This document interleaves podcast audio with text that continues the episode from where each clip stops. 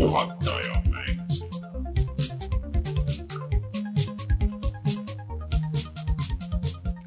tere tulemast, on reede, kahekümne kolmas aprill aastal kaks tuhat kakskümmend üks ja on aeg puhata ja mängida, mina olen Rainer Peterson, minuga täna üle interneti Rein Soobel no tere, tere.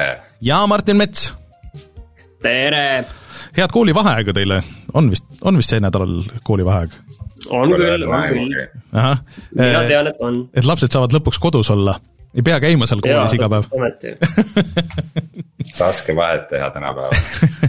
ma olen aru saanud, et see osadele mõjub raskemini kui teistele, aga, aga vähemalt varsti saab kuuks ajaks kooli vist või? ja see lootus on ikka jah, et mai, maikuus ikka vähemalt saab ja ma olen, ma olen selle kõige peale mõelnud, et see oleks ikka sürreaalne, et kuidas, kuidas mina oleks nagu sellises vanus, kooli vanuses käitunud, et kas mul oleks nagu meeldinud see kogu aeg nagu kodus olla mingi poolteist aastat või oleks ikka ka nagu lõpuks kooli tahtnud, ma ei tea, ma pigem, ma andsin kõik endast võimalikku, et ma ei oleks seal koolimajas või vähemalt mitte tunnis, nii et mm, ma ei tea. Et äh, pidage vastu, lapsevanemad äh,, kohe on suvi käes ja siis lapsed ei pea kooli minema enam varsti, nii et õues juba läheb soojaks ja siis külmaks ja soojaks, nagu ikka. aga äh, läheme saatega peale, sest meil on äh, palju uudiseid veidral kombel täna äh, ja äh, kohustuslik osa enne, ehk siis meid saab toetada Patreonis Pat, pat, pat, Patreon. ja just nimelt ja kui te meid seal toetate, siis te saate tulla meiega Discordi chat ima või siis äh, äh, näiteks äh, saate võib-olla särki endale, kui on soovi äh, ja äh, tasuta mänge saab äh, igakuiselt, varsti tulebki uus pakk nüüd järgmise kuu alguses. Äh, ja kui äh, toetate meid äh, suurema summaga, siis loeme teie nime siin maha, nagu näiteks Taavi, jutlustaja X, Feilissi, Jaak, GameCAN ja Dev0, suur tänu teile, suur tänu otse loomulikult ka kõikidele teistele toetajatele, kes siis äh, saavad kõik aktiivsed Patreonid, Patreoni toetajad saavad oma nimed meie Youtube'i videote tiitritesse. Ja Youtube'ist rääkides siis äh, Äh, eelmine n- või sellel teisipäeval läks meil äh, videona üles äh, Oddworld äh, Mindstorm, Mindstorm? ei, Soul, Soulstorm, Soulstorm, Mindstorm on need legod, õige, õige. jaa, ja seal oli kusjuures üks kommentaar, mis ütles, et, et noh, et ma oleks võinud ikkagi, Running Otacon oli see, kes ütles, et noh, et ma oleks võinud ikka põhjendada, et mulle visuaal meeldib ja, ja idee kõik meeldib, aga ma seda mängida ei taha, et miks ma ei taha. mulle ikka platvormikatest, mulle meeldib, kui see liikumine ja hüppamine ja see kõik see on nagu niisugune kiire ja tempokas, aga Oddworld ikkagi on nagu niisugune pigem niisugune rahulik, niisugune kulgemine ja see, mis ei, seal ikka on selliseid kiiremaid äh, hetki ka ja sellest ma pärast räägin, kusjuures mm. Mm, see on ikka selline huvitav armastuse ja vihkamise suhe Mm. selle mänguga, seal on hetki, mis on jumala head, täiesti sellised kaunis, vaatad, asjad õnnestuvad, juhtuvad. ja, ja siis äh, ärritud, sest kuskil mingi lollilt äh, mingi, mingi viga on või tundub, et see asi on nagu lollilt lahe- lahendatud, et äh,. et see on ikka armastus ja vihkamine, võib-olla No- see ongi hea, võib-olla see on just huvitav, et see me- niiviisi mitte ei ole lihtsalt, et et Me nägime... mängid ja kõik meeldib, võib-olla see on hea just. me nägime ühte visuaalset glitch'i isegi nagu selles äh, samas videos seal, nii et äh, see nagu väga head tavaliselt ei tähenda. aga minge vaadake parem, kui ikka armastad ja vihkad, kui see, et nagu on okei okay ja siis pärast ei mäletagi, kes Mm. mängis seda või mitte. ja täpselt, vot se- seda ma umbes tahtsingi nagu öelda, et vähemalt on nagu juba on nagu meeldejääv ja, ja huvitav.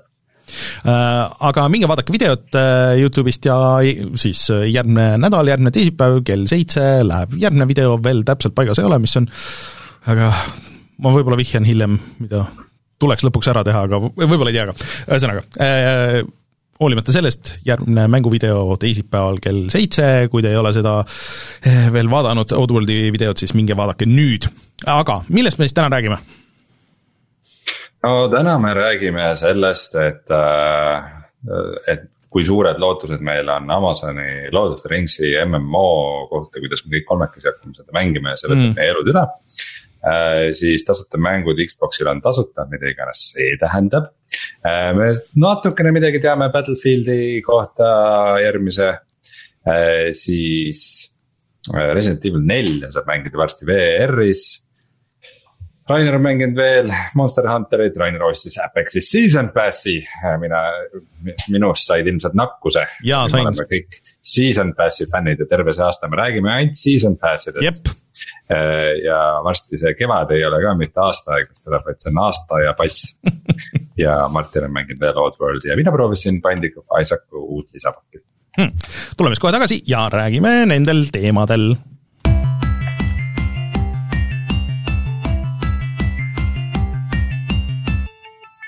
uudised.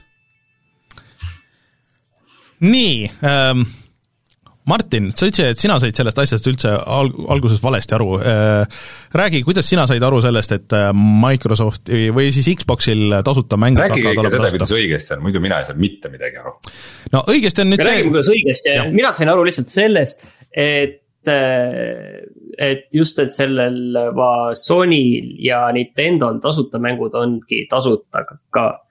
või tähendab, et nad ei ole, on ju, tasuta. juba ei saa aru. jah, jah, näed, Rainer, räägi äh, aga tegelikult on niimoodi, et Sonyl, kui sa mängid näiteks Fortnite'i, siis sa ei pea seda online'i osa maksma. Ähm, tegelikult Nintendo'l sa pead, äh, sul on ikkagi seda online äh, maksu vaja maksta, mis on kakskümmend eurot aastas ja kõike niimoodi. ja Microsoftil oli samamoodi, ehk siis kui sa tahtsid mängida Apexit, tahtsid mängida Fortnite'i, siis sul pidi olema Xbox Live Gold, mis on äkki kümnekas kuus või midagi niisugust. ja nad tahtsid seda hinda tõsta, millest tuli ilge jama, internet, internetis inimesed mölisesid ja nad äh, saatsid laiali umbes samasuguse kirja, nagu täna räägime hiljem, et Sony saatis, ja ütlesid, et ei, vabandust, me saime teist ja kõigest valesti aru, me ei tee seda ja hoopiski tasuta mängud hakkavad olema tasuta ehk siis, et äh, kõik free-to-play mängud, äh, noh, Rocket League, äh, Apex, Fortnite, list on tegelikult päris pikk. viiskümmend mängu, viiskümmend mängu lihtsalt, et need nüüd ei vaja seda, et sul oleks mingi teenus ka veel olemas, vaid Just. sa võid lihtsalt osta konsooli, selle alla tõmmata ja kõik mängi. -hmm.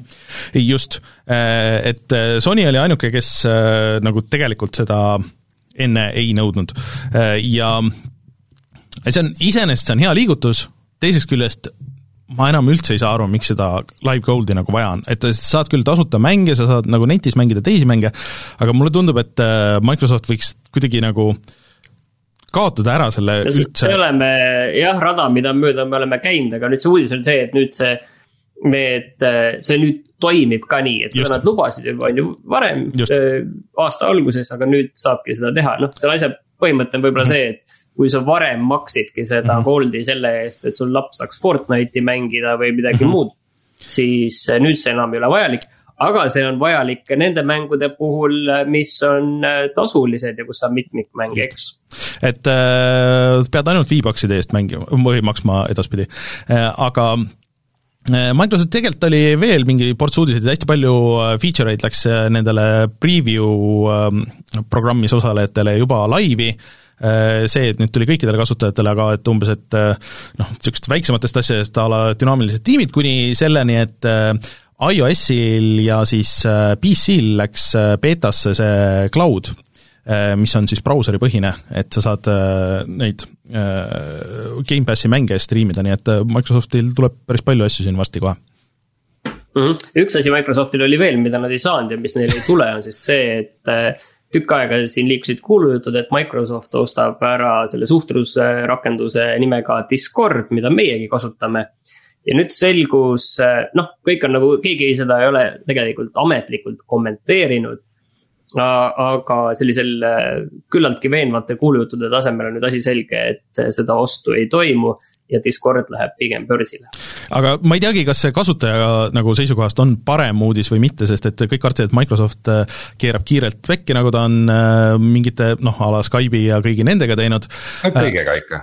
no suht jah, on ju, kuigi tuuakse heaks näiteks, tuuakse seda GitHubi, et nad seda ei ole üldse puutunud, et see toimetab niimoodi edasi nagu, nagu ennegi, aga äh, kui see läheb börsile ja praegu on selle väärtus teoreetiline ja hetkel toimub jätkuvalt mingi kasv selle pandeemia arvelt, kui see mingi hetk saab pandeemia läbi ja need teised asjad tulevad ja börsil äh, hakkavad äh, investorid nõudma mingisuguseid kasve ja, ja suurenemisi, et ma ei tea, kas see on kasutajale nagu see kõige parem. vot see on huvitav, sellepärast et Discordil ju oli kas ma kasutan õiget väljendit, oli see mängude pood ja neil oli mingi seal mingi teenus küljes. Ja mingi hetk nad vist andsid teada mälu järgi lihtsalt ütlen, kuna ise ei ole neid osasid Discordis kunagi kasutanud mis ütleb selle kohta palju, sellepärast et ilmselt enamik inimesi ei ole kunagi neid kasutanud no,. Eh, tegelikult see. Discordi poodi asju, et see vist oli, et neid enam ei ole. seal on, neil on see tasuline pool. Nitro oli selle funktsiooni nimi, see pandi suhteliselt kiiresti. ei, Nitro on. ei, Nitro oli see teenus, millega sa said veel tasuta mänge, kui ma ei eksi. aga Nitro on olemas siiamaani, see on see, mille sa ostad, ma isegi ostsin selle tasulise, et sa saad sellega striimida kõrgemas kvaliteedis, pluss sa saad siis oma, kui sul on näiteks server, on ju, sa, sa saad Rohkem server jah, põhimõtteliselt jaa, ja mingeid boost'e ja mingisuguseid feature eid anda ja sa said, saad nagu neid punkte kinkida ja niimoodi, et seda on mitu tier'i.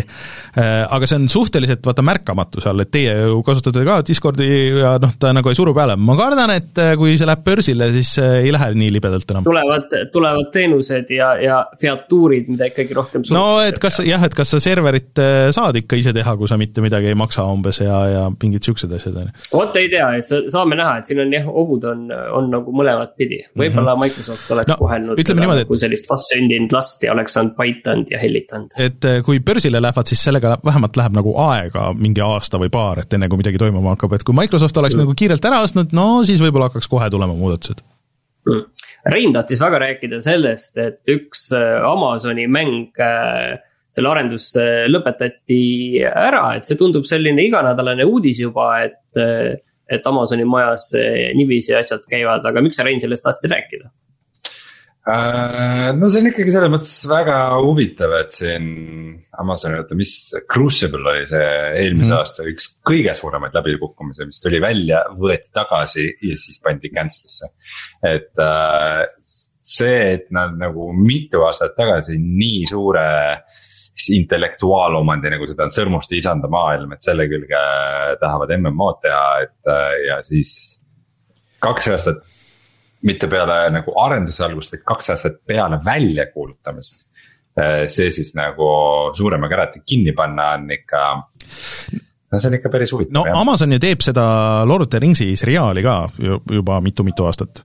huvitav, kas see läheb cancel'isse siis? aga, aga kõikide nende Amazoni asjade taga on nagu, mul on see küsimus, et huvitav, kas see läheb nagu cancel'isse sellepärast, et et nagu päriselt see arendus äh, noh, ei kulge ja nagu läheb halvasti, või see on see, et Amazonis ollakse harjunud tegema asju hoopis teistmoodi ja see ei vasta nagu sellele Amazoni tööd, mis ma olen aru saanud, et on väga konkreetne ja väga aetakse näpuga järge ja mingi tuhat middle management'i ja niimoodi, ja et ei, see ei vasta, me siis paneme cancel'isse, et mis, meil raha on, meil on ükskõik.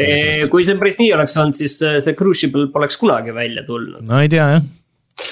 et no selle Lord of the Ringsi MMO puhul äh, pidavalt olema nagu ametlikult on põhjus see, et, äh, et Tencentiga äh, kõnelused mm. jooksid ummikusse. aga ausalt öeldes ma pole aru saanud, mis see Tencenti roll seal on, et kas see Tencentile kuuluvad mingisugused õigused või?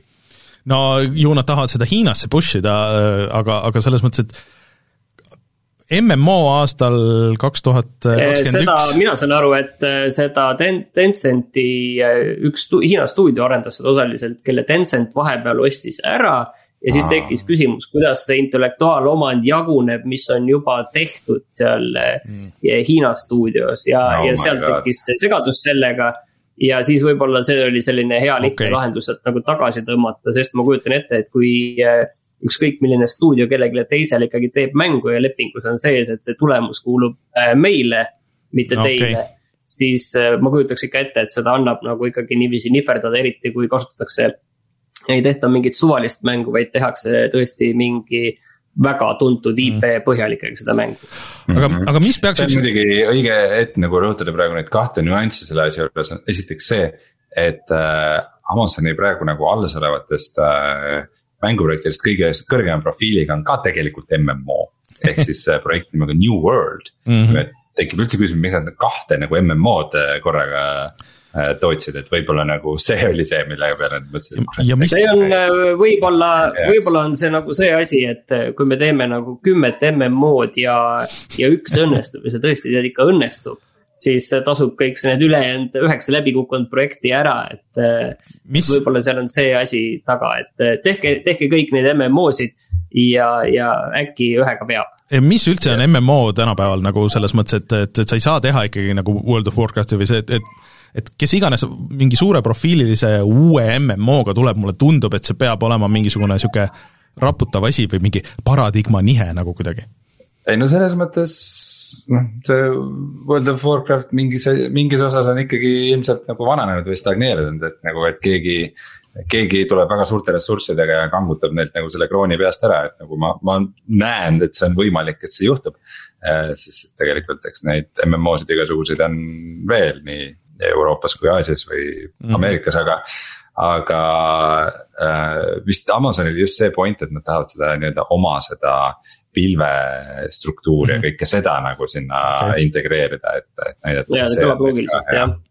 aga see jah, sellised asjad nagu teoorias kõlavad paremini kui kui praktikas ja teine asi, mida tasub meelde tuletada, on see, et tegelikult on Sõrmuste isanda MMO Lotro või see Lord of the Rings Online olemas ja, ja vist siiamaani seda mängitakse ja nagu omas nišis nagu läheb vist okeilt okay. juba siis aastast kaks tuhat neli või midagi sihukest või mingid äh, naljakad omaskonnad. see paradigma nihe tegelikult on minu meelest seal nagu see õige asi, ma arvan, et selles mõttes, et see turg tegelikult äh, sellise, sellist tüüpi mängu jaoks on ju ilmselgelt olemas, tegelikult oleneb, milline see on ja võib-olla see ei peagi olema nii suur. mida on siin tegelikult ju seesama Valheim on äh, tõestanud mm. -hmm. aga ma tahtsin küsida seda, et kas see uus Battlefield, et kas sellele on midagi tõestada? Kas see tuleb mingi paradigma nihe või tuleb see täpselt samasugune, nagu see on olnud üks ja viis? no ma sain aru, et see on nüüd äh, neli stuudiot on äh, väga hoogsalt äh, koostööd teinud sellega ja, ja siis see ei tule mitte ühe mänguna, aga tuleb kahe mänguna, et üks on arvutiversioon ja teine on siis mobiilidele. ehk siis kõik ikkagi push ivad seda oma mobiili shooter'it ka, aga mobiiliversioon tuleb kaks tuhat kakskümmend kaks siiski. no, äh, sügisel jah. peaks tulema see, äh, see põhimäng mm. -hmm. et äh, äkki see ongi nagu reklaam nagu lihtsalt sellele mobiilimängule, et näed, proovi siin ja siis äh, päriselt hakkad mängima seal mobiili peal. kuhu me jõudnud oleme. aga kusjuures mulle tundub, et võib-olla nende viimase paari aastaga on tekkinud mingisugune noh, mingid lapsed, kes on kasvanud üles nende mobiili Fortnite'ide ja asjadega ja kes oskavadki mängida selle touchscreen'iga ja neile meeldibki see ja, ja meie lihtsalt ei saa enam aru mine tea. ma olen aga..., ma olen nõus selle teadmisega elama aga see viimane Battlefield, miks oli siis äh, Battlefield V või viis. Äh, see vist tegelikult ikkagi võeti päris halvasti vastu, et mm -hmm. ta oli läinud nagu kohutavalt, aga. aga see on nagu põhjus, miks ikkagi Call of Duty on siin viimastel aastatel jõudsalt domineerinud ja Fortnite'id ja Fortnite'ide ja Apexite ja pubkide vahel nagu Battlefield on nagu viimastel aastatel ikka päris ära vajunud mm.. aga me vist ei tea sellest mitte midagi. väga palju tõestada, ütleme nii. me vist nagu. ja kogu see nende Battle Royale ju ikkagi ka kukkus läbi. sellest on ilgelt kahju, sest see on siiamaani jah, ma olen palju korda öelnud saates, aga ma arvan, et see oli mul üks lemmikuid Battle, Battle Royale'i mängulaade, siis see Firestorm aga eh, neil tuleb varsti siis eh, lähiajal eh, see event, kus nad räägivad täpsemalt, kus see toimub, millal see täpsemalt välja tuleb loodetavasti ja, ja loodetavasti ka näitavad midagi, et et hetkel on suhteliselt, suhteliselt udune kõik see jutt.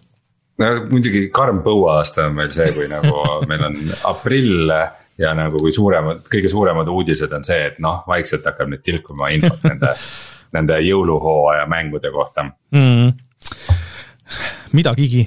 aga ma räägin kiiresti selle Apexi asja ära ka, ega siin ei ole, et tuli uudis, et see on ka mobiilidele tulemas äh, ja läheb seda ei olnud veel mobiil? ei olnud veel, aga mina mäletasin ka, et pidi nagu tulema, mina ausalt öeldes mäletasin seda, minu arust polnud uudis mina ei ole nagu kuulnud või tähele pannud seda, et see mobiilidele tuleb, aga äh, testi läheb aprilli lõpus ja siis äh, Äh, varsti kohe hakkab äh, paari nädala pärast see uus hooaeg ja näidati selle uue karakteri treilerit ka, mis siis toob selle Titanfalli, et see on äh, justkui ühe Titanfalli piloodi tütar ja, ja siis tema kõik need äh, spetsialid on erinevatest Titanitest arust tundub äge. Äh,, me räägime pärast veel Apexist, et ja sellest season pass idest ja kõigist nendest, et sest Respawn ei ole saanud Apexisse piisavalt Apexist rääkides piisavalt öelda, et me oleme need tüübid, kes tegid Titanfalli ka.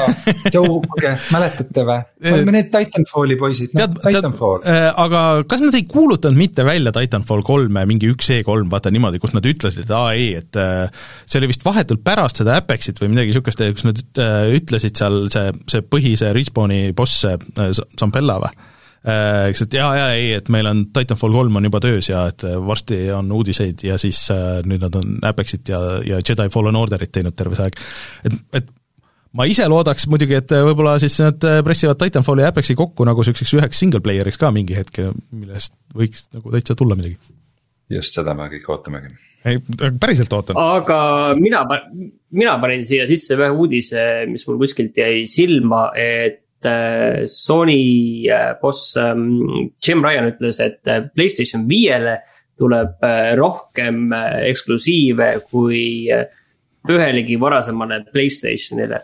ja jäin mõtlema selle üle natuke, et kas seal üldse nagu on mingi selline selline argument, et ta ütles, et nad on väga palju tegelikult teinud sellist tööd, mis on siiani tegelikult olnud nähtamatu ja mis taustal toimub ja, ja millega nad lubavad, et PlayStation viiele tuleb väga palju eksklusiive.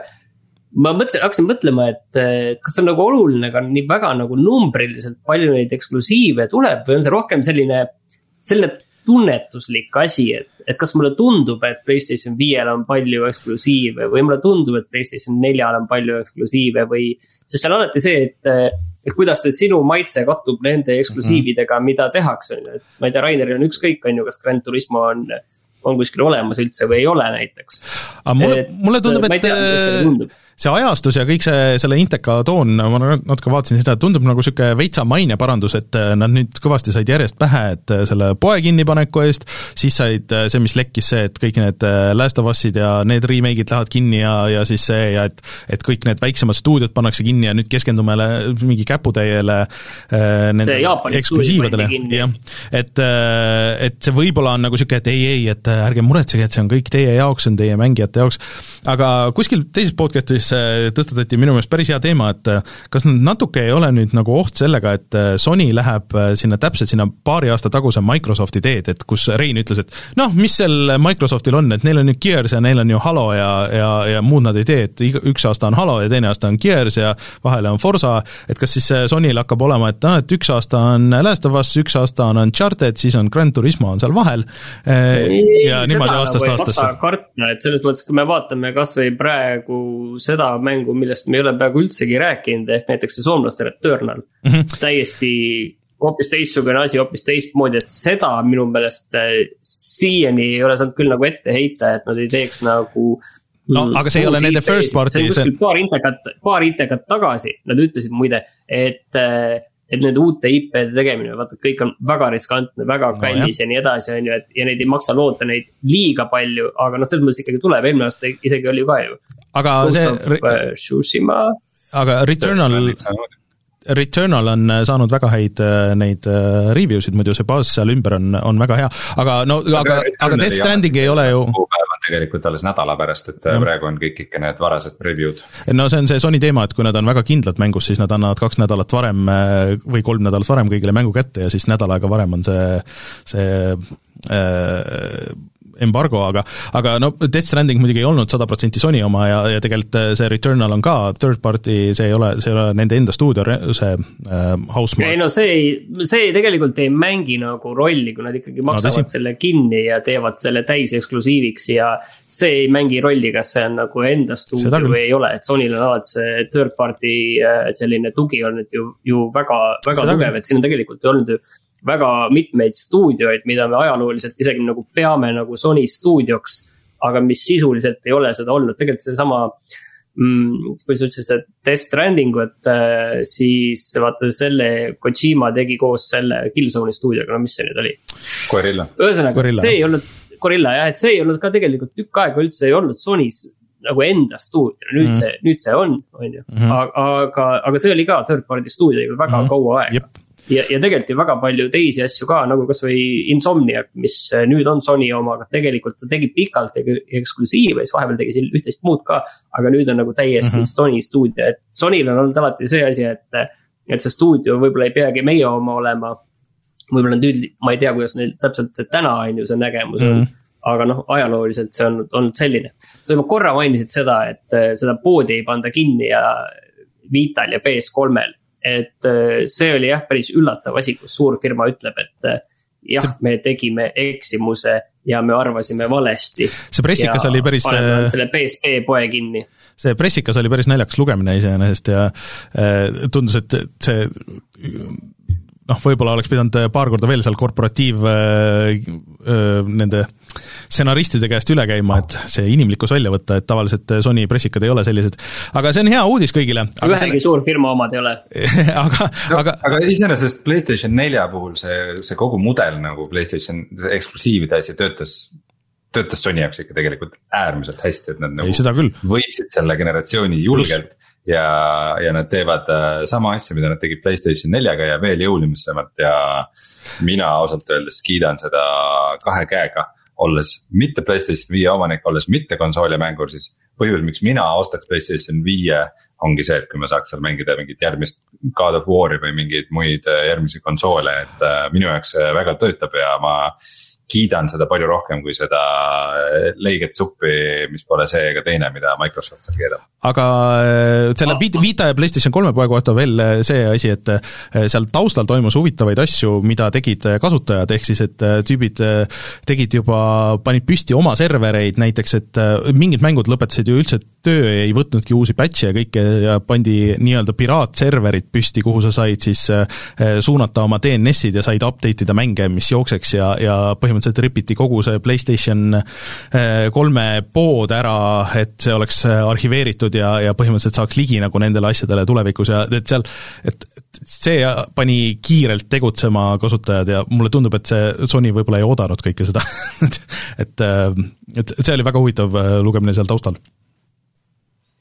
Aga rääkides Microsofti eksklusiividest, siis Double Fine'i Psychonaut, Psychonauts kaks on nüüd äh, vähemalt äh, arendaja enda sõnul juba mängitav ja ilmub sellel aastal.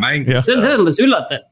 Jaa, aga see on tegelikult selles mõttes üllatav, ma isegi ei mäletanud esimese hooga, et see on, see on Microsofti oma mm. -hmm. et aga ma arvan, et kui Microsoft ei oleks neid ära ostnud, siis nad oleks selle välja pannud ja see oleks äh, olnud ilmselt okei okay.. ma loodan, et see lõpu push nagu andis neile siis, see parem oleks, et on kõige parem 3D platvormikas, mis üldse kunagi on välja antud, mida on arendatud viis aastat, sest äh, tegelikult esimese Psychonautiga läks ju umbes samamoodi, et nad arendasid hullult kaua seda ja see oli noh, nagu kuna seal oli nii palju dialoogi ja seal oli niisugust story't ja mingisuguseid asju, mida tol ajal ei olnud tehtud, siis see oligi väga keeruline arendus, loodetavasti sellega on vähemalt samamoodi samamoodi, et Tim Schaferil siin on olnud aega, et postitada Twitterisse, et näe, ma tegin Vectrexile, ise kodeerisin Psychonauts kahe äh, alguse äh, selle animatsiooni ja mingisuguseid niisuguseid asju, et et äh, aga ma loodan, et see tuleb hea mäng, see on üks mu oodatumaid mänge sellel aastal küll nagu äh,. Martin, kas sa ootad seda väga? ei, mina ootan seda ka jah, selles mõttes, kuigi ma peaks seda esimest veel lõpuni mängima. esimene just oli allahinnatud aga... Äh, paljudes kohtades mm,. jah meil on väike delay siin, äh, aga yeah. Rääkides vanakooli meestest, siis Blizzardis on üks nendest vähem jälle, ehk siis Overwatchi põhimees Jeff Kaplan, meie siin Overwatchist ei tea väga midagi kui ma natuke uurisin seda, siis tundub... ma mängisin kunagi päris palju Overwatchi, aga see oli seal algusajal ikkagi. et edaspidi tema on olnud vist see community nagu nägu ja siis tema teeb alati kõik need pöördumised ja kui sul on probleeme Overwatchiga, siis, siis sa kirjutad Twitterist alla ja nii edasi. ja ta on üheksateist aastat olnud Blizzardiga, siis ütles, et ta nüüd on aeg lahkuda parematele jahimaadele ja nii edasi ja, ja ta ootavad uued väljakutsed. mis minu meelest nagu natuke ikkagi nagu näitab seda, et see Overwatch kaks on ikka väga veidras seisus, sest et kui nad selle välja kuulutasid, et ühest küljest push isid nagu, et see on mega e-sport, teisest küljest, et aa, aga me panime hästi palju neid, neid üksikmängu asju nagu sinna sisse ehm,, ja see, ja sa saad nagu ühes nagu teist mängida ja nii edasi, et ehm, tundub väga segane projekt ja ega nad väga palju nagu sellest nüüd viimasel ajal ei ole rääkinud ka, et millal see tuleb ja mis see täpselt ikkagi nagu lõpuks olema saab äh,. Nagu kõik need Blizzardi asjad mm. -hmm. jah eks siis. selles mõttes on tõsi tegelikult, et see Blizzardi asjadega on alati niikuinii see, et äh, siis enne kui valmis ei ole, siis äh, ära usu midagi mm. -hmm no see, muidugi peaks see aasta tulema nüüd see Diablo kahe remake ka, aga eks see Blizzard ei ole tänapäeval enam see, mis ta kunagi oli ja natukene see teema paneb mõtlema, et äh, kas mängutööstus on üldse see, see koht, kus nagu töötada terve, terve elu ja terve karjäär või? no sõltub, sõltub, kuidas sa seda teed. see ongi sihuke asi, mida peaks nagu tegema umbes kakskümmend aastat ja siis. vot ma ei tea, kui sa oled see, see stuudiojuht ja, ja teed erinevaid projekte, aga kui sa teed seda kakskümmend aastat seda ühte või kahte mängu ja siis, siis no ma ei tea, võib-olla siis ei ole nii põnev, jah aga Oculus demonstreeris ühte väga toredat projekti või siis eksklusiivmängu Äh, nimelt tuleb VR-versioon Resident Evil neljast. No tegelikult seda ei näidanud Oculus, äh, vaid oli Resident Evil'i event äh, siin eelmise, näed, pärast saadeti vist kohe. jah, aga seal neid demosid ja siis tuli sellele Oculusele tuli oma event. aa, niimoodi või? omakorda veel testiti või tähendab, kuulutati seda välja või räägid sellest natuke veel mm.. põhimõtteliselt, mis on nagu selle kõige asja juures väljutiv, on see, et tegu on mitte ainult Oculus Questi eksklusiiviga, vaid tegu on Oculus Quest kahe eksklusiiviga. see on minu meelest esimene kord, kui on nagu. noh muidugi, muidu on nagu see, et noh, et üks ja kaks, et okei okay, see kaks on nagu tehniliselt ikka märksa võimsam, aga ikkagi üritame nagu sama asja hoida, et. ja nüüd on see Oculus Quest kaks on vist nii populaarseks saanud, et nad nagu vaikselt juba hakkavad nagu kõrvale nügima seda quest'i mm. ühte aga mida rohkem ma nagu mõtlesin selle uudise peale, seda rohkem see loogiline mulle tundus, sest et Resident Evil neli, kui keegi ei mäleta, ja üleüldse, see vist on üks väheseid platvorme üldse maailmas, kuhu Resident Evil neli veel ei ole jõudnud, et see on umbes igal pool, äh, aga äh, seal on jah, et seal on ju see teema, et sa ei saa liikuda ja tulistada samaaegselt. ehk siis, et kui sa sihid, siis sa, siis sa sihid, et sa ei, sa ei liigu, et sa saad vasakule-paremale pöörata ja mulle tundub, et see VR-is võiks toimida päris hästi. Eh, nad lihtsalt lisasid selle dual wielding'u ka sinna, et sa nagu natuke saad mingisuguseid kaitsemanöövreid nagu teha samal ajal, kui sa seisad, eh, aga, aga see tundub loogiline. Eh, jah, et, et sul on nagu, et ühe käega saad tulistada ja teisega saad vist noa, noaga nagu virutada mm.. Aga ma ei tea, mis nad selle graafikaga teevad nagu, et ähm, isegi see HD versioon, mis tuli mingi mõned aastad tagasi välja, no see ei olnud nagu väga HD, et, et kas nad teevad siis päris nagu remaster'i sellele, äh, see oleks huvitav. no tuletage meelde, et Oculus Quest kaks on ikkagi mobiilne seade, mille mille võimsus on umbes kümme korda väiksem kui ühel arvuti graafikakaardil, et ega seal, selles mõttes see ongi nüüd väga huvitav ja loogiline suund, kuhu need Questi mm. äh, eksklusiivmängud äh, võiksid minna, et see on, sul on nagu vanade mängude head VR-pordid mm., et noh. mina teatavasti nagu väga suur pordi fänn ei ole, sest et äh,, sest et noh, kõik, et sa võid küll panna selle, et mingid relvasüsteemid ja laadimised, mis on nagu VR spetsiifilised, aga ikkagi need mängud ei ole nagu VR-i jaoks mõeldud Resident Evil neli oma sellise veidi aeglasema tempoga võiks paremini sobida kui mingid Quake'id või Doom'id näiteks. aga, aga iseenesest see on ikkagi huvitav trend, mida ma nagu. aga seal kindlasti tahaks proovida seda. Twitteris ma nägin natuke nagu see, neid treide, et, et äh, inimesed olid veits kurvad, et et see on ainult Oculus'e eksklusiiv, et äh, see võiks tulla ju nagu igale poole, aga noh, muidugi nad ei ole öelnud, et kas see jääb alati eksklusiiviks või, või mis iganes aga eh, seal tegelikult näidati veel teisi Resident Evil'i asju, millest eh, võib-olla kõige huvitavam oli see, et noh, ma isegi, ma meelega ei ole vaadanud neid kaheksa treilerit või midagi, et ma tahan, et uus demo tuli PlayStationile ja PlayStation viiele just ja nii, aga ma tahan seda külmalt nagu mängida, eh, aga et see mitmikmäng tuleb ka ja see mitmikmäng on tegelikult, kui sa ostad selle kaheksa, siis see tuleb tasuta kaasa aga sa saad seda ka eraldi osta, ehk siis kui sa kaheksat ei taha mängida, siis sa võid osta eraldi selle mitmikmängu. Äh, ma ei mäleta, mis selle nimi oli nüüd äh, kohe siin, äh, aga, aga et loodetavasti see on, on vähemalt hea, ma nagu ei ole kuulnud ka otseselt vastupidist, seal oli neil mingi serveri props, kui nad beetat tegid, aga aga, aga üldiselt mingi vanem Resident Evil'i multiplayer oli nagu okei. okay jah, sest me kõik mängime Resident Evilit multiplayer'i pärast. jah, jah.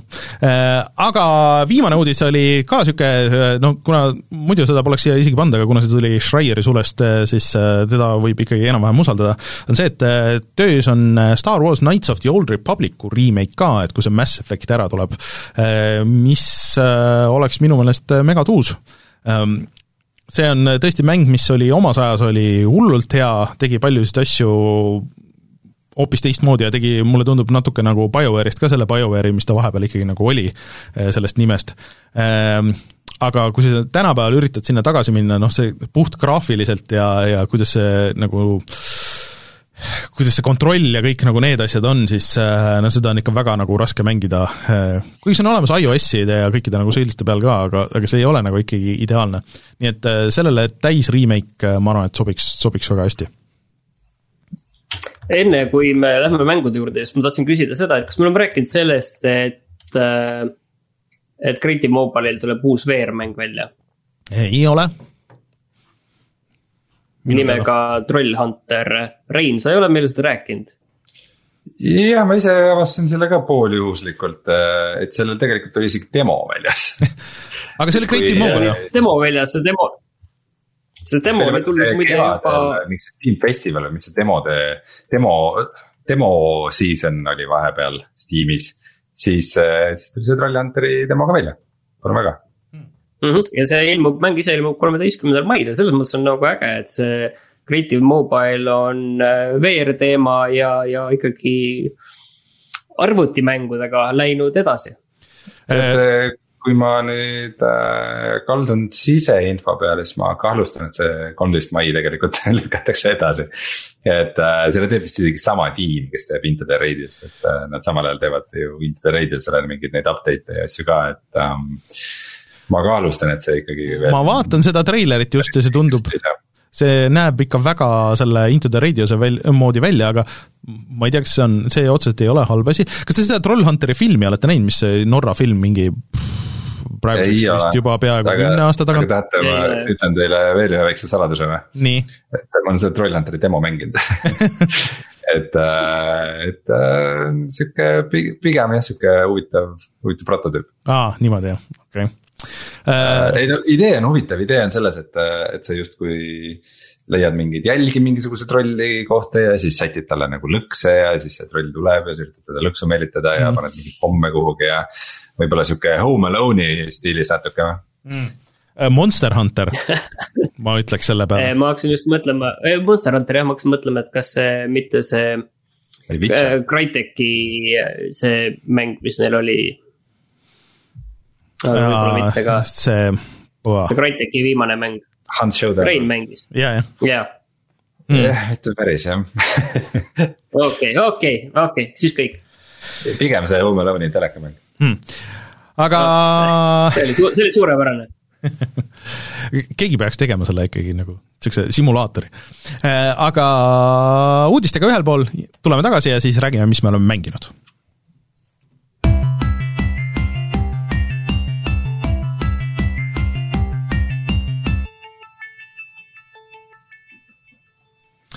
Kes esimesena minna tahab? no ma räägin selle kõige olulisema asja ära, et äh, täna algab siis äh,, täna, kui me saadet teeme, täna algab siis Modern Warfare'i kolmas hooaeg, mis tähendab, et eile õhtul oli väga limiteeritud äh, siis ajaga eriline in-game event, sündmus, pean eesti keeles rääkima, mängusisene sündmus äh,, kus see Verdanski kaart, kus siis aasta aega on mängijad mänginud äh, Battle Royale'i Call of Duty relvade ja asjadega. sellelt sa laitsid tuumapommi ja nüüd on kõik teistmoodi. ja täna, täna õhtul näeb, mis see on ja eile ma logisin sisse Modern Warfare'i, et näha seda, et mis, kuidas seal kõik plahvatab ja kuidas värk on. ja terve õhtu passisin serveri järjekorras ja ei saanudki sisse aa, see on küll puine. tehniliselt see lansseerimine läks neid ikkagi täiesti pekki. et see viimase nädala jooksul muidu on mingid huvitavad äh, muudatused olnud, mida mul pole õnnestunud näha, sest ma olen natuke eemal olnud äh,. aga et äh, tuli nagu sellesse põhimängu, põhi nagu battle royale'i tuli selline asi sisse, et äh,. Et äh, kui sa saad surma, siis sa muutud zombiks, siis sa saad mingeid suuri hüppeid teha ja. ja teisi mängijaid nagu zombina rünnata ja mingeid, mingeid hullusi mm. hakkas seal toimuma, aga. jah, need olid kõik väga lühiajalised ja tundub, et äh, päris ei tööta need asjad ka nii, et äh, ma nüüd huviga ootan, et mis see season kolm ja uus kaart endast kujutab, et kas selle ikkagi mängijatel aastaga on sellest kaardist üsna kõrgini saanud mm., et kas, kas see kas see uus kaart nüüd on mingi Cold War'i teemaline reskin või, või on seal nagu suuremaid ja olulisemaid muudatusi? ma saan aru, et hetkel ongi ainult niimoodi, et sa saad vist selle väikse kaardi peal, selle teise kaardi peal mängida. et äh, nüüd, kui see põhievent on läbi ja see, et zombid võtsid üle selle, selle peakaardi. vist jah et äh, aga huvitav lahendus, mulle tegelikult meeldivad, vaata sihuke, vahest on MMO-de lõpus, kui pannakse serverid kinni, tehakse mingisuguseid veidraid siukseid asju ja noh no, Fortnite on alati teinud. põhiinspiratsioon vist ikkagi Fortnite mm -hmm. ja mhm. selle, selle mm -hmm. suur mhm. kaardi muutumise sündmus mm. -hmm. aga, aga see on ikkagi nagu cool, kahju, et inimesed nagu ei, ei saanud ise nagu kõik seda proovida, aga aga see oleks äge ka, muidugi see oleks ikka Kojima teema, et kui sa selle, selle ühe korra selle event'i läbi mängid, et siis sa teist korda enam ei saa, et äh, siis on tehtud oled selle ära näinud ja, ja see on see see on äh, mitmikmängus suurepärane idee niimoodi asja teha. ma arvan ka, aga, aga sa oled veel seda juurde mänginud nüüd, kuidas sul see läheb selle Battle Passiga? tegelikult viimase nädala jooksul ei ole peaaegu üldse mm., nii et äh, jah, ma pigem, äh, pigem säästan oma jõudu nüüd selleks season kolmeks. kuigi vaata, see on see, mis me rääkisime nagu, et äh, eelmine kord, kui me rääkisime nendest äh, Battle Passist, me peame Battle Passi ilusa eestikeelse või season pass'ist. jah, mingi hoo, noh hooajapilet on äh, sihuke. hooajapilet. eks ta selle pilet on nagu, et äh.... hooajapilet on hea sõna, okei okay,, hakkame kasutama seda, et see hooajapilet, äh, selle ostmine äh, tekitab sunduse mm -hmm. mängida, et muidu ju oled maksnud ja jääd ilma mm. -hmm aga, aga mul siiski jah, olen tugevam, kui see tundus või lihtsalt ei viitsinud või ei jõudnud mängida mm. et äh, jah, ootan huviga uut kaarti. see on umbes samamoodi tegelikult nagu sa ostad kontserdipileti ja siis mõtled, et ah, ma ei lähegi, vahet pole suht, aga oota, sa ostsidki, et nüüd sai hooaeg otsa, sa ostsid selle hooajapileti siis äh, eelmine nädal ja, ja siis äh, nüüd ongi sellest, ongi kogu lugu või? Pigem üle-eelmine, et äh, no selles mõttes ei ole kogu, kogu lugu, et ma sain tänu sellele igasuguseid mingisuguseid embleeme mm. ja relvi ja skin'e ja tegelasi mm. äh,. mida muidu ei oleks saanud mm, -hmm. et muidu nad siis nüüd ju nüüd lähevadki lukku, et ma ei saa, ma ei saa vist ju enam. kui kolmas season käib, siis ma ei saa ju teise season'i mingeid skin'e ja asju no. osta nojah, kui palju sa hoolid. see on hea, see on hea viis kümne aasta pärast mängus näidata tulevastele põlvedele, et ma olin, ma olin juba siis. saad mängus. pärandada lastele. just aga jah, ühesõnaga. mul pole, mul pole selle kohta midagi lisada, nii et räägi nüüd oma selle hooajapileti elamusest. ei, ma tahtsin öelda lihtsalt seda, et ükskord, ükskord ostsin äh, pileti kontserdile Amsterdami ja siis ma ei saanud minna, see, see vaevas mind äh, vaevas mind äh, veel kaua. ma arvan tegelikult jah, siiamaani jah.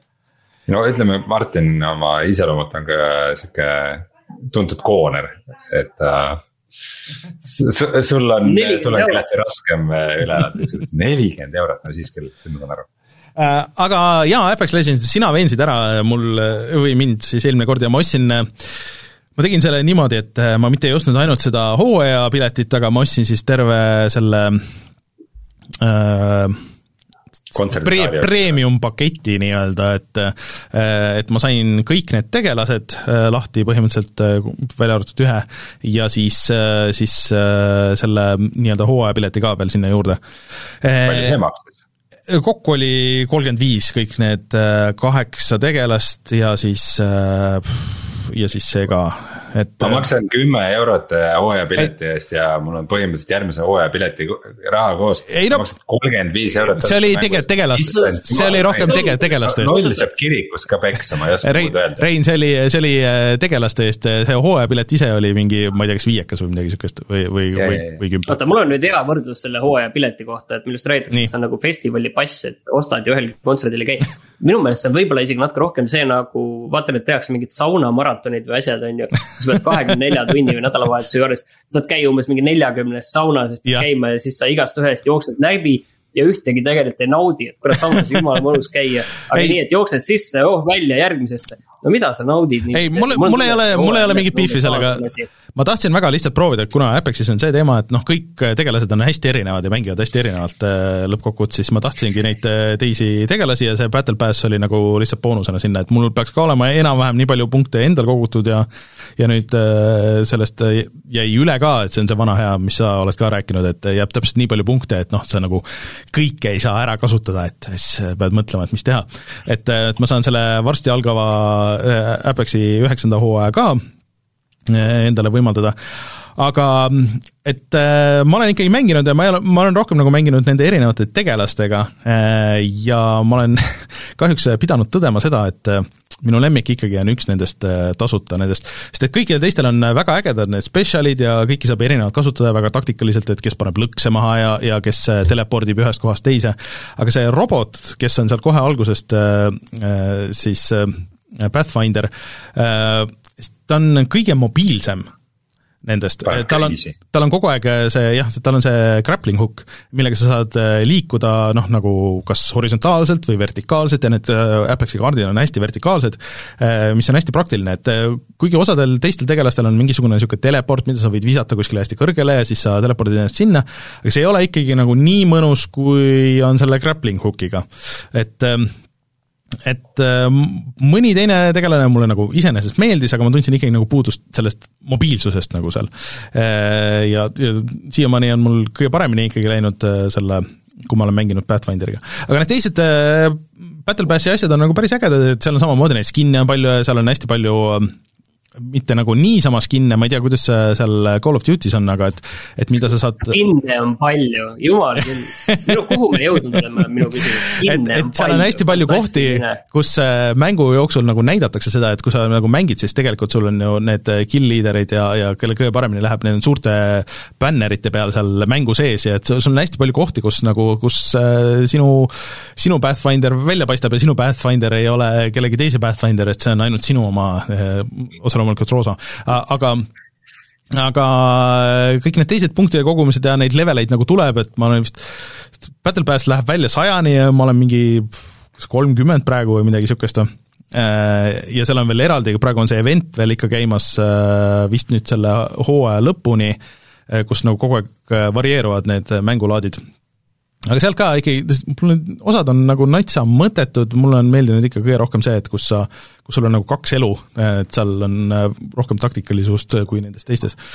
Äh, aga jah, Rein, sina oled süüdi, et ma selle ostsin, aga nüüd mul on vähemalt kõik need tegelased ja ma jätkan nendega proovimist, et võib-olla nagu nii, kuna ma olen nii palju nagu mänginud selle Pathfinderiga, et võib-olla lihtsalt sellepärast mulle meeldib ka kõige rohkem, aga et, et võib-olla mõni teine ikkagi klikib siin Äh, kolmkümmend viis eurot tasuta mängu eest. minu meelest see on nagu okei okay tegelikult just äh, kolmkümmend viis eurot tasuta mängu eest, et äh, kui üldse okei okay,, kuhu me jõudnud oleme, ma tahtsin lihtsalt öelda seda, et see saunamaratoni võrdlus enne, mis ma tõin, võib-olla tegelikult ei ole selle hooajapiletiga ikkagi, ikkagi õiglane, et võib-olla see rohkem Gamepassi kohta käib, et sa jooksed nagu igast saunast läbi ja korra proovid ja vaatad ja mingi maitse saad nagu suhu, aga. see ei ole päris nagu see. sinna enda hinge ikka ei pane. see Battle Pass on, ei, see on vastupidi, et see on just see, et kui sa niikuinii mängid seda, siis, siis et saad siis veel mingisuguseid asju, et ähm, mm, äh, pigem on see nagu boonus mingi asjale, et äh, see, see on pigem see, et sa oled niikuinii seal saunamaratonil, aga et, et kas ma ostan äh, igast kohast need õlled ka juurde või, või et kuidas sellega läheb? et saab ilma ka, aga, aga mõnusam on õlled ka. oota, sa oled, Rainer, jõudnud praegu sinna, et, et sa juba, juba tunned niiviisi, et sul, sul, sul on nagu privileeg oli see, et sa said kolmekümne viie eest. ei, ei, ei, privileeg see küll ei ole. mingi asja, et see on see on nagu privileeg. ei, see privileeg küll ei ole, ma, see, ma ei, sellele ei vihjanud absoluutselt. pigem on see, et, et. on FOMO et ma sain neid tegelasi. kõigil teistel on nii lõbus nende teistega. kui ma oleks saanud need teised, ma oleks saanud, tähendab, need teised tegelased lahti ka mängida, kui ma oleks pannud need sellesse mängu mingi kakssada tundi või midagi niisugust. aga, aga ma ei tahtnud lihtsalt seda teha. Äh, aga jah sa maksid, sest sa ei taha mängida seda mängu. mitte okay, nii palju. palju paremini aru ma ta-, ma tahtsin teada, et äkki kellegi teisega on veel parem mängida nii, Rainer, CS-GO-s on ka nüüd, nüüd äh, ma ei mäleta, mis aeg tagasi, mingi aeg tagasi küll tulid ka need No no, nii. tegelaste skin'id on ju, et mm. -hmm. tegelased muidu olid kogu aeg ühesugused on ju kõik mm. -hmm. aga et nüüd on ka erinevad skin'id, erinevad väljanägemised on neid. mina ei tea, minu meelest on neid palju lihtsam näha niiviisi ja, ja, ja ikkagi, ikkagi no tulistada. CS-GO on ka mina olen küll selline tavasugune, samasugune nagu kogu aeg tavaline. kas CS-GO nende nugade ja see business ei ole mingi, mitte mingi põhiosa sellest olnud juba aastaid ja aastaid? noh, ei, see on, ma ütlen, aga see ei lähe mulle seesama. üldse korda, on ju. no seda sa nüüd räägid, on ju, aga, aga üks hetk. Neid chat võtjaid panusid, et millal, millal Martin murdub ja ostab mingisuguse CS-GO hooajapileti, mis iganes analoog sellele kunagi ilmuma peaks. ma, ma olen ikkagi suhteliselt, suhteliselt sellise äh, tugeva, tugeva tahtejõuga, ma arvan, et ma pean vastu, erinevalt Rainerist. ühesõnaga äh,, aga Rein, räägi ühest äh, teisest uuest asjast, enne kui laseme Martinil veel Soulstormist rääkida. Äh,, see mm,, mis selle nimi oli, ehk siis äh, Binding of Isaac äh,, uus, sisuliselt vist uus mäng või kuidas, kuidas sellega nüüd on äh,, tuli just? Binding of Isaacule tuli uus DLC, selle nimi on Repentance. ja mm,, David Legacy on update, mis asja. ja Binding of Isaac on siis, on siis selline mäng, millel on läbi aastate ilmunud päris mitu neid erinevaid, mul vaatasin just üle, et mul on ikkagi jumala sassis, et, et. Äh, alguses oli veel seda Flashi versioon ja siis, siis ta tuli nagu teine versioon ja siis oli mi- mingi Afterbirth ja Afterbirth pluss ja Rebirth ja mingisugused igast äh, versioonid, aga nüüd see Repentance on ikka nagu põhjalikum selles osas, et äh, selle kallal vist töötasid tüübid, kes tegid muidu mingi väga põhjaliku nagu sellise fänni moodi, mille nimi mul nagu meelde ei tulegi. nimi oli ka Rebirth, ei. Ma ei lähe üldse selle nimede maailma, ma ei tea üldse vahet. ja et ongi, et see ei ole niisugune väike nagu DLC, vaid et seal on ikkagi väga palju mingeid uusi uusi leveli tüüpe ja uusi kolle ja bosse ja igasuguseid asju. ja Steam'i järgi ma olen praeguseks mänginud kokku Bandic of Isaacut äh, noh. Flashi versioon ei lähe siia arvesse, sest see oli põhimõtteliselt teine mäng kunagi. et ma Steam'i järgi olen mänginud kolmsada kakskümmend kolm tundi seda. Et ähm, ja natukene DLC-d ja asjad on kuidagi nagu omavahel sassis, et võiks arvata, et kui ma olen nagu nii palju tunde sinna pannud, siis. see, et seal midagigi nagu uut on, et paneb mul kuidagi südame kiiremini põksuma, aga minu meelest on just nagu kuidagi liiga, liiga segaseks ja, ja, ja lahtiseks läinud see asi, et ähm,. liiga palju uut mulle ei meeldi. Juba enne oli veidike liiga palju, ma tegin, ma tegin ühe triki üks hetk, nägin, et netis nii tehakse ja tegin ka ja veidikene kahetsen seda. et äh, sa saad panna ühe siukse setting'u peale Binding of Isaacus, et sa näed oma stat'e. et äh, noh, muidu Binding of Isaac, kes ei tea, et sa oled seal sihuke väike poiss, kes võitleb kollidega oma pisaratega ja ta on nihuke noh, väga stiilipuhas rogu-like, et nagu levelid on iga kord erinevad ja see, keda sa kohtad seal on erinev. ja põhimõtteliselt, kuidas see mäng progresseerub, on see, et sa teed nagu mingisuguseid achievement'e ja nende achievement'ide. iga achievement on põhimõtteliselt nagu asi, mis tuleb nagu mängu juurde, mille sa nagu edaspidi võid leida. ja, ja see ongi see, et, et alguses see oli nagu hullult äge idee, aga üks hetk nende asjade nagu arv ja need, kuidas nad omavahel on seotud ja nende spetsiifilisus ja see, see kõik nagu kasvab nii üle pea mm. -hmm. ja kui ma panin peale selle setting'u, mis näitas mulle mu stat'e, siis ma avastasin seda, et need stat'id mingite täiesti jaburate ja ootamatute asjade peale muutuvad. ja seal mängus on mingisuguseid süsteeme, millest ma polnud nagu absoluutselt varem teadlik. ja, ja see minu jaoks veidike tappis selle mängu ära soo. sest et äh, varem oli tunne, et nagu, et sa enam-vähem nagu kontrollid või haldad seda. Et mis seal toimub, et noh, mõni asi jäi nagu segaseks, aga nagu noh, ma ei tea, Vikist saad üle vaadata, mis midagi teeb. aga nüüd ma tunnen, et ma nagu ei jaga ikka üldse matsu. aga see, et, et, et, et see on veidikene nagu kehva, aga mis selle, mis selle Repentance'i põhipoint peaks olema, on, on ikkagi see, et äh, tal on nüüd hea mitmikmäng. et me kunagi Martiniga tegime video, ma arvan, et just sellisest of Isaacust, mis oli see kõige parem of Isaac, aga, aga tal oli tollal see mitmikmäng väga kehv, et sul oli sihuke noh, et, et nagu üks mängija nagu põhimängija, teine nagu lead ib temalt elusid ja saab nagu veidike ka sama asja teha. ta on, ta on selline sidekick on põhimõtteliselt. et nüüd, nüüd see nagu mitmikmäng peaks olema märksa tugevam, et ma tahan seda kindlasti sõbraga proovida, et ma aiman, et nagu see on see, kus see nagu õige värk on mm., aga noh, paraku Modern Warfare, tead, tuli, tuleb kohe nagu ise, Warzone. nii et jah, nice, tahaks seda mängida, aga, aga, aga nice, kas mängin ka. Mm.. Äh, mul on üldse nagu väga raske selles kõiges orienteeruda, sest et kõik need nimed hakkavad R-tähega ka, veel eriti veider. Aga no selge, ma tahtsin küsida, et kas see läheb ka sinna värskesse kulda, aga nagu tundub, et ei lähe. praegu nagu pole väga põhjust mm. panna. Mm.. Aga Martin, räägi siis äh, Oddworldist, et kas sa oled edasi mänginud seda? ja, ja, ja seal mõnel hetkel võib-olla isegi tekiks tunne seda juba värskesse kulda panna, aga, aga täna ka veel käsi ei tõuse sellepärast et sellel tuli küll mingeid uuendusi ja, ja eelmine kord ma ei rääkinud üldsegi nendest bugidest, sest mul ei olnudki nagu tegelikult neid eriti olnud, aga nüüd, mida edasi, seda rohkem neid tuleb. et see on tore, kui sa saad surma ja siis selle peale sa jääd tegelikult sama koha peale, aga lihtsalt ükski klahv enam ei reageeri ja pead lihtsalt mängu kinni panema, täiesti kinni. mõnus.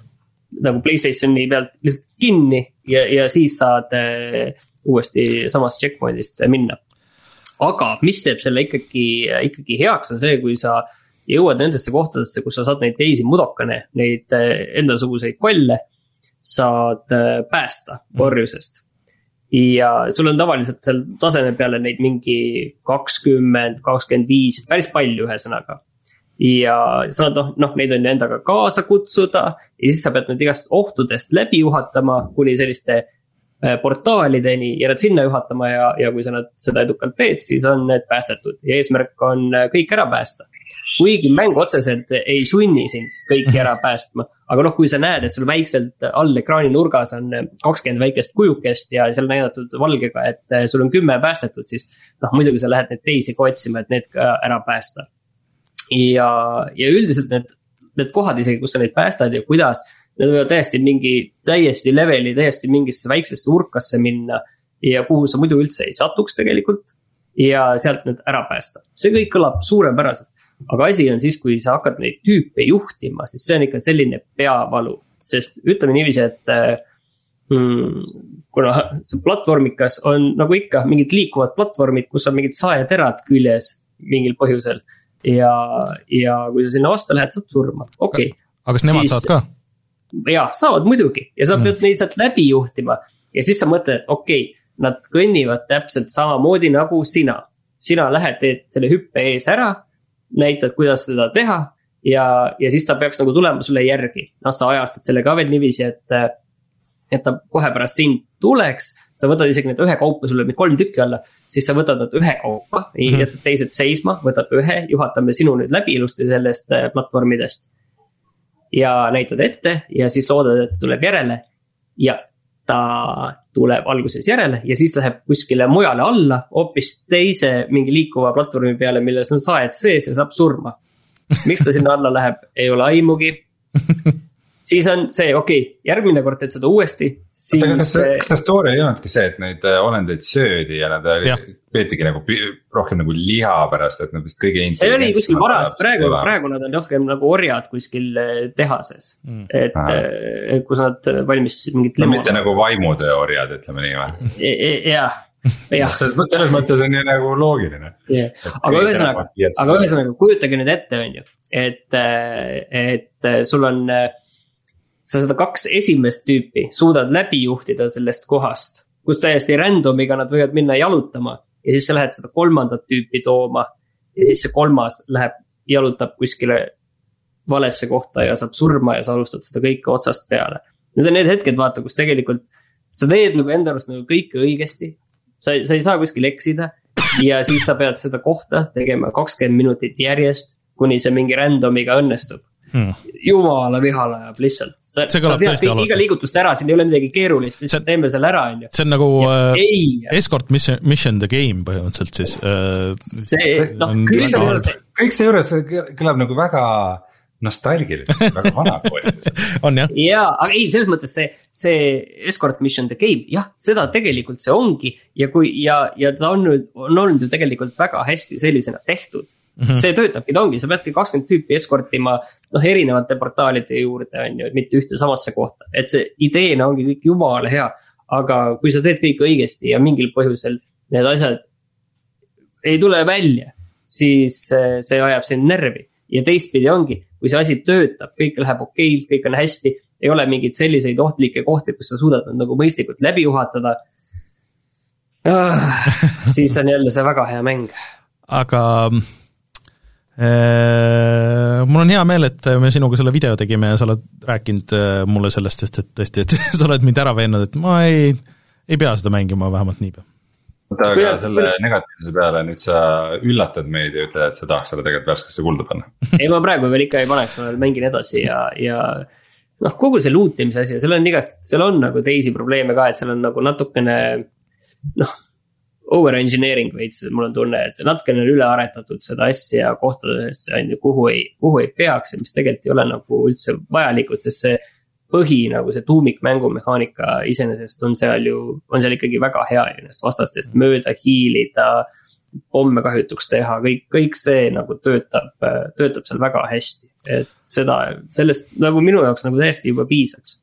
muidu ma ütlen, et minge vaadake videot ja seal lõpus on väike easter egg ka. Aga äh, no aga, aga, aga, aga, aga Martin, kas sa kavatsesid lõpuni ka mängida? praegu kusjuures ma ikkagi liigun ikkagi edasi sellega, et see mõnes mõttes on selline eh, hea vaheldus sellele Demon Soulsile on ju, et, eh, et kui ma nüüd selle pooleli jätan, siis ma pean selle Demon Soulsi aktiivselt uuesti kätte võtma mm,.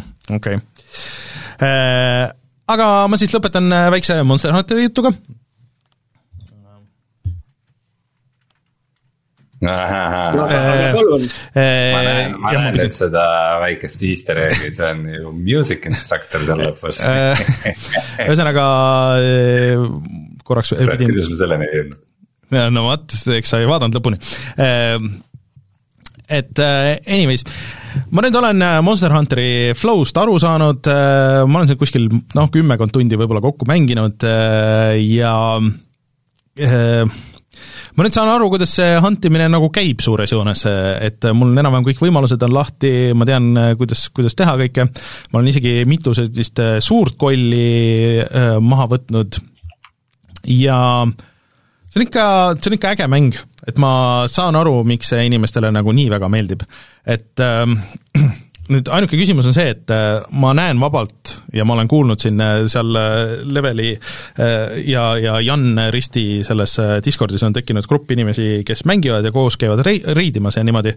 ma näen, kuidas siia saab vabalt panna mingisugune sada tundi, kakssada tundi, ilma et arugi saaks sul on hästi palju gear'i, mingitele kollidele sa kohe kindlasti ei saa üksinda vastu Äh, sa ei saa mingisuguseid juppe ja nii edasi, et, et ongi see. Äh, mis ma alguses nagu tegin üldse valesti, et ma ei saanud üldse aru, et äh, kuidas see, kuidas relvavahetuski käib, et kuna, kuna ma siin rääkisin, et, et noh, siin on lihtsalt neid variante on nagu nii palju, et sa pead tegelikult olema selles oma sõlmmaailmas, siis minema sinna oma item itesse, siis valima konkreetse relva, siis sa pead noh, seda võib-olla upgrade ima seal sepa juures, siis sul peab olema ka selle jaoks vastavaid materjale, mida sa siis saad, kui sa lähed, käid loot imas, ja kuidas sa saad et lisaks, et sul on nagu tavaquest'id, siis sul on ka nagu niisugused mini-quest'id, mille eest sa veel saad kogu aeg, mis on nagu paralleelis käivad äh, passiivselt, et umbes noh, niisugused lihtsamad, et ma ei tea, et tapa viis suvalist väikest või keskmist äh, kolli või, või korja, ma ei tea, viis seent äh, või mingisugused niisugused asjad, mille eest sa saad veel boonuseid, ehk siis sa pead kogu aeg nagu optimeerima seda, et sa kogu aeg saaksid võimalikult palju stuff'i ja päris äh, huvitav on see, et ma ei olnud nagu väga palju surma saanud siin. Äh, ja, ja nüüd ühe selle suurema jahi puhul nagu sain,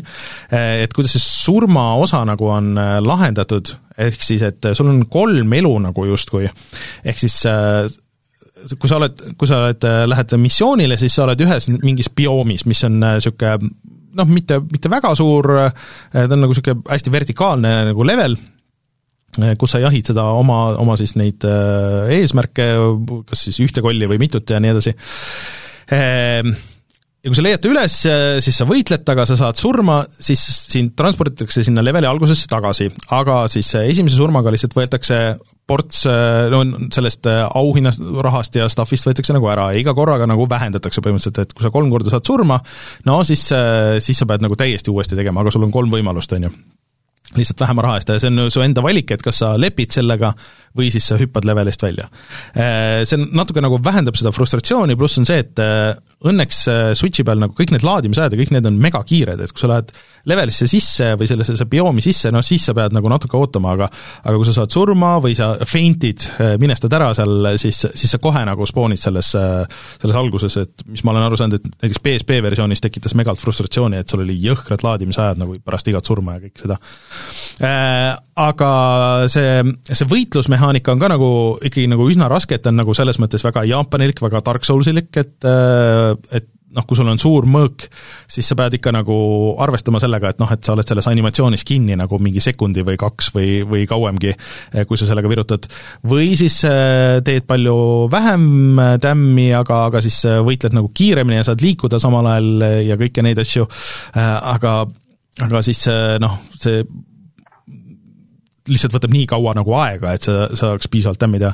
ma ei ole leidnud, kas on mingisugust äh, asja, mille, mida sa saad peale panna, et sa näeksid selle kolli nagu elusid, äh, et sa pead nagu enam-vähem nagu saama aru ta käitumisest, et mingi hetk ta jookseb nagu ära ja siis sa pead teda ajama äh, taga mööda kaarti ja siis sa vaatad, et ahah, okei okay,, et ta nüüd natuke lonkab, on ju, et võib-olla ma peaks siit ründama ja, ja võib-olla peaks mingeid niisuguseid asju tegema või et kui on lendav koll, et siis võib-olla ma peaks hoopis selle mingi ammu moodi relva valima ja, ja siis tulema tagasi ja nii edasi. et seda strateegiat on on väga palju, pluss jah, et, et siin on, sul on need kaaslased, keda saaks, peaks tegelikult treenima ja peaksid saatma eraldi quest idele, samal ajal kui sa oled enda quest idel ühega, et et siin on neid layer eid lihtsalt on nagu nii jõhkralt palju. Äh, aga mulle ikkagi meeldib see, et see võtab aega, enne kui see klikib, noh, nüüd on mingi kümmekond tundi ja ma olen ikkagi nagu suht-koht nagu noh, selles mõttes tutorial'is on ju, et äh, äh põhimäng ilmselt muidugi läheb lahti siis või läheks lahti siis, kui ma hakkaks äh, teistega koos quest ima ja see mäng on hästi palju üm-, üles ehitatud ka selle ümber, et et sa saadki noh, kas liituda teiste inimestega või kutsuda neid endale appi ja, ja nii edasi. et äh, hea mul mäng. on tegelikult ikka hea meel näha, et sul ikka, sul on ikka tahtejõudu küll tegelikult. ei no mul on, aga, aga mul ongi see, et okei okay,, ma olen kümme tundi siia pannud, et ma võib-olla veel kümme jaksan, aga, aga ma ei tea, kas ma nagu sellest edasi suudan. et, et see on ikkagi ka nagu, et, et ma oleks saanud seda mängida oluliselt rohkem, aga see, see on nagu niisugune ka ettevõtmine, et, et sul on igal missioonil, sul on aega viiskümmend minutit see, see siis koll maha võtta. aga noh, võib-olla okei okay,, viiskümmend ei lähe, aga mingi kakskümmend viis, kolmkümmend läheb kindlasti ja, ja see on äh, suht nagu niisugune noh, Dark Soulsilik kombat nagu selles mõttes, et, äh, et sa ikkagi nagu seisad, rullid, lööd, lähed eemale, siis äh, pa- äh,, hiilid ennast hästi palju, siis äh, loodad, et su, su kaaslased ka nagu tekitavad õigel ajal neid ma veel nende kaaslaste kamandamisest ei ole veel hästi aru saanud, et, et see kass, kes on see Paliko, et, et ta saab teoorias panna mingi puu nagu maha peal, maha vahepeal, mis passiivselt nagu tükk aega annab elusid, kuhu sa saad joosta tagasi näiteks ennast ravima sest osad monsterid on niisugused, et noh, et äh, kui need sulle pihta saavad, siis nad võtavad sult veerandi või pool nagu eludest. pluss sa pead majandama veel oma staminat äh,, mis on eraldi mõõdik, mis missioonile minnes tegelikult ei ole nagu põhjas, ehk siis sa peaksid sööma ideaalis äh, steigi, mis lööks selle põhja äh,, ja siis sa pead äh, veel ka jälgima oma relva, et kui terav relv on, et kui relv läheb väga nüriks, siis ta võib veel ka katki minna, ehk siis sa pead aeg-ajalt oma relva teritama, mis võtab nagu veits aega. Äh, noh, mäng ise muidugi annab seda, et et see, kui see koll nagu jookseb ära su eest, äh, siis see ongi nagu tegelikult nagu mõeldud see, et okei okay,, et nüüd on see hetk, kus sa saad ravida, sa saad koguda sealt maailmast ka, et noh, ilmselt sa teed seda passiivselt nagu kogu aeg, et äh, kui sa lähed mingisugusest taimest mööda, sa korjad need taimed ära, siis äh, mett ja igasuguseid muid asju, ja ta teeb automaatselt sulle need mingiteks potion iteks, kui sa tahad äh, aga et, et võtab nagu korraks nagu niimoodi tempo maha, aga siis see võtab nagu jällegi sihuke, et aa, ma tean küll, kuhu ta läks, aga see on teises kaardi otsas ma pean jooksma sinna teisele poole kaarti. Aga see see kõik nagu tervikuna töötab, et see tundub nagu sihuke, see on ka nagu veitsa vana kool nagu ja see kõik, äh, ma saan aru, et see ongi see Monster Hunteri valem, et nad on muidugi kasutajasõbralikumaks teinud seda siin, kui see vanasti oli, aga aga, aga tal on nagu see võlu ja ma näen seda võlu ka lihtsalt. et päris ei Mafia kolme? ei, ei, ei, ei Mafia kolme, et, et see on, mul on alati, kui ma mängin, mul on väga huvitav, et ma väga tahaks, ma olen, mul on praegu kaks bioomi nii-öelda on lahti, et nagu niisugune jäämaailm ja, ja siis niisugune mägis see, et, et ma tahaks mingeid uusi leveleid näha, ma peaks kohe vist sinna jõudma, et mul on need ühe leveli missioonid on on kohe nagu tehtud, et äh, aga pean ütlema seda ka, et äh, kuigi ta ei näe nüüd mingi mega super välja, siis äh, arvestades kõike, mis ekraanil vahepeal toimub, et, et noh, mul oli ka see, et ma võtsin suurt kolli maha ja siis mingi teine suur koll sealsamas levelis tuli ja siis nad hakkasid koos kaklema, mis oli mulle, et jess, väga hea, kakelge, sa võtad selle energiat maha, siis mul on vähem tööd, pluss sa saad tegelikult ka nagu üks strateegia oleks see, et ma ründaks hoopis mõnda teist suurt kolli ja ma saan tema nagu äh, üle võtta ja siis teda nagu kontrollida vahepeal äh, ja siis rünnata oma vasta-, noh, see ei pruugi nagu õnnestuda, et see võib-olla toob ta vihama nagu hoopis minu peale ja ma saan hoopis kiiremini surma aga, aga niisugused asjad on ka, millele sa saad mõelda. Äh, et äh, My Mafia kolme, see on äh, fun, aa, et ühesõnaga, et see mootor nagu peab hästi vastu, et see on see Capcomi Resident Evil'i mootor äh, esimest korda Switchi peal, et kuigi ta jookseb kolmkümmend kaadrit sekundis, siis need laadimisajad on kiired ja noh, ta vähemalt on see suht, see kolmkümmend kaadrit sekundis kogu aeg, et ta ei ole päris nagu see, see Breath of the Wildi see prequel'i teema nagu selles mõttes.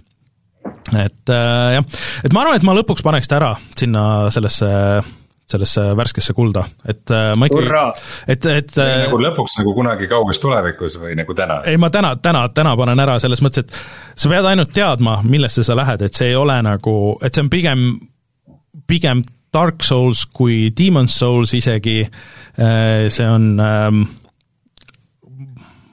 ma ei tea mis need head, head võrdlused oleks nagu selles suhtes, et see ei ole, see ei ole Pokemon, see on ikka väga, väga slow nagu selles mõttes, aga, aga kui sa viitsid seda aega sinna sisse panna, siis sa saad palju vastu ka mm. -hmm. äge. paneme kohe siia ära. pane kirja, jah. Monster Hunter Rise on siis selle Switchi eksklusiivse mängu õige nimi kusjuures mul see Rise hakkab sealt äh, lõpust äh, täitsa juba meelest ära minema? Vot äh, selle kõigega tekib nagu natuke huvi seda Monster Hunter Worldi proovida, mis on Gamepassis näiteks ja igal pool, kus on Witcherid ja asjad, aga ma saan muidugi aru, et aga seal on samamoodi, et mäng läheb alles käima siis, kui sa oled mingi sada tundi sinna sisse pannud ja siis, siis hakkad nagu päriselt aru saama, ku-, kuidas ja mida teha, et peaks Jan Ristiga rääkima sellest pikalt-laialt, ta viimasel ajal vist striimib neid mõlemat mängu päris palju. vot, aga mängud mängitud vist selleks nädalaks mm. -hmm. tuleme siis, tuleme siis kohe tagasi ja siis äh, äh räägime, mis on odav internetis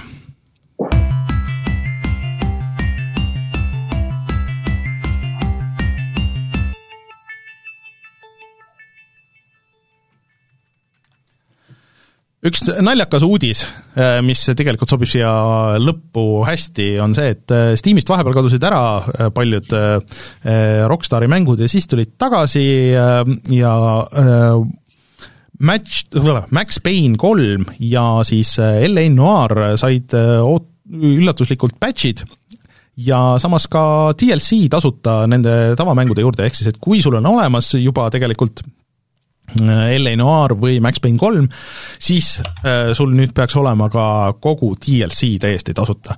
ma ei tea, kas see tähendab midagi või arvate, et see lihtsalt nagu Rockstarist keegi mõtles, et täh, suva, teeme ära? no võib-olla jah, et tähelepanu saada, mis tegelikult äh,, ma vaatasin mõlemat mängu Steamis ja minul tekkis küll küsimus, et maksavad mõlemad kolmkümmend eurot, et kas need ka aasta tagasi maksid kolmkümmend eurot või viisteist, kakskümmend või kümme et see on äh, tore võimalus tähelepanu tõmmata enda vanadele, noh, küllaltki headele mängudele.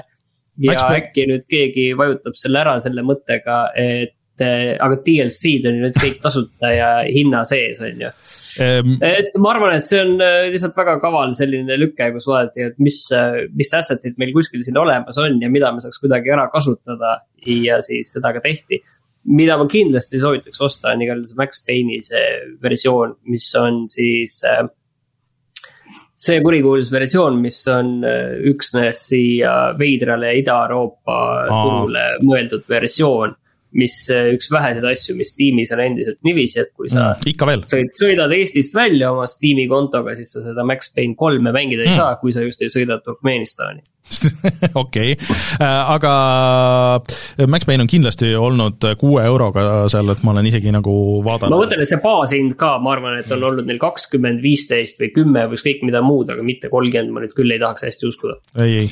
no mina soovitan Max Payne kolme ikkagi peamiselt ainult multiplayer'i pärast äh, jah, see on sellest ajastust, kui kõigil asjadel olid head multiplayer'id kaasas, aga mis ega need vist ei tööta enam, on ju? suurem osa ei tööta, aga Max Payne'il peaks töötama küll. ma ei usu sind peame proovima järgi kohe. Rein, ära viska veksleid välja aga mis siis Epicus tasuta on? aga mis on veel parem, kui odav on tasuta ja, ja. tasuta on seal praegu Alien Isolation. see on väga hea mäng, mul on tunne, et see on olnud jah, siin. see vist oli juba kunagi. aga see ei ole ainuke mäng. Hand of Fate kaks, mis on vist something, something kaardimäng. ja järgmine nädal tuleb sinna Idle Champions of the Forgotten Realms ja Steamis on ka mitmesuguseid allahindlusi, et võib-olla üks kõige nagu huvitavamaid on sihuke. eelmise aasta või nüüd juba äkki oli siis üle-eelmise, jah, üle-eelmise aasta selline. Nihuke kahe-kolme A mängu vahepealne ja mida, mida ikkagi nagu mingid inimesed on kiitnud, on see Plague Tale Innocence mm.. et see on praegu seitsekümmend viis protsenti allahinnatud, nii et ta maksab ainult üksteist eurot ja kakskümmend neli senti. ja Vermintide Äh, Warhammer Vermintide kaks, mis on siis äh, põhimõtteliselt Left 4 Dead äh, Warhammeri maailmas. see maksab praegu näiteks ainult seitse eurot. mõlemad mängud olemas Gamepassis. Rein luges ette nüüd kõik need asjad, mis ma plaanisin ette Nähä. lugeda ja noh, Titanfall kaks on ka praegu seitse. see on olnud, see on olnud isegi paari euroga ma pakun jah mina vaatan hoopis sellist asja nagu Spiritfarer, mis on kuusteist eurot praegu, eelmise aasta mäng, et see tundub ikka sürr ja huvitav. ka olemas Gamepassis. ja üks mäng minu wishlist'is on praegu alla hinnatud, mis nagu varem väga palju ei ole, Desperados kolm. ka olemas Gamepassis äh, Martin, miks me seda mänginud ei ole kumbki? vaata ei tea, ma vaatasin ka, et. fännid ja see võeti nii hästi vastu ja praegu on viiskümmend protsenti alla hinnatud. jah, see, see on hea küsimus, sellepärast et äh,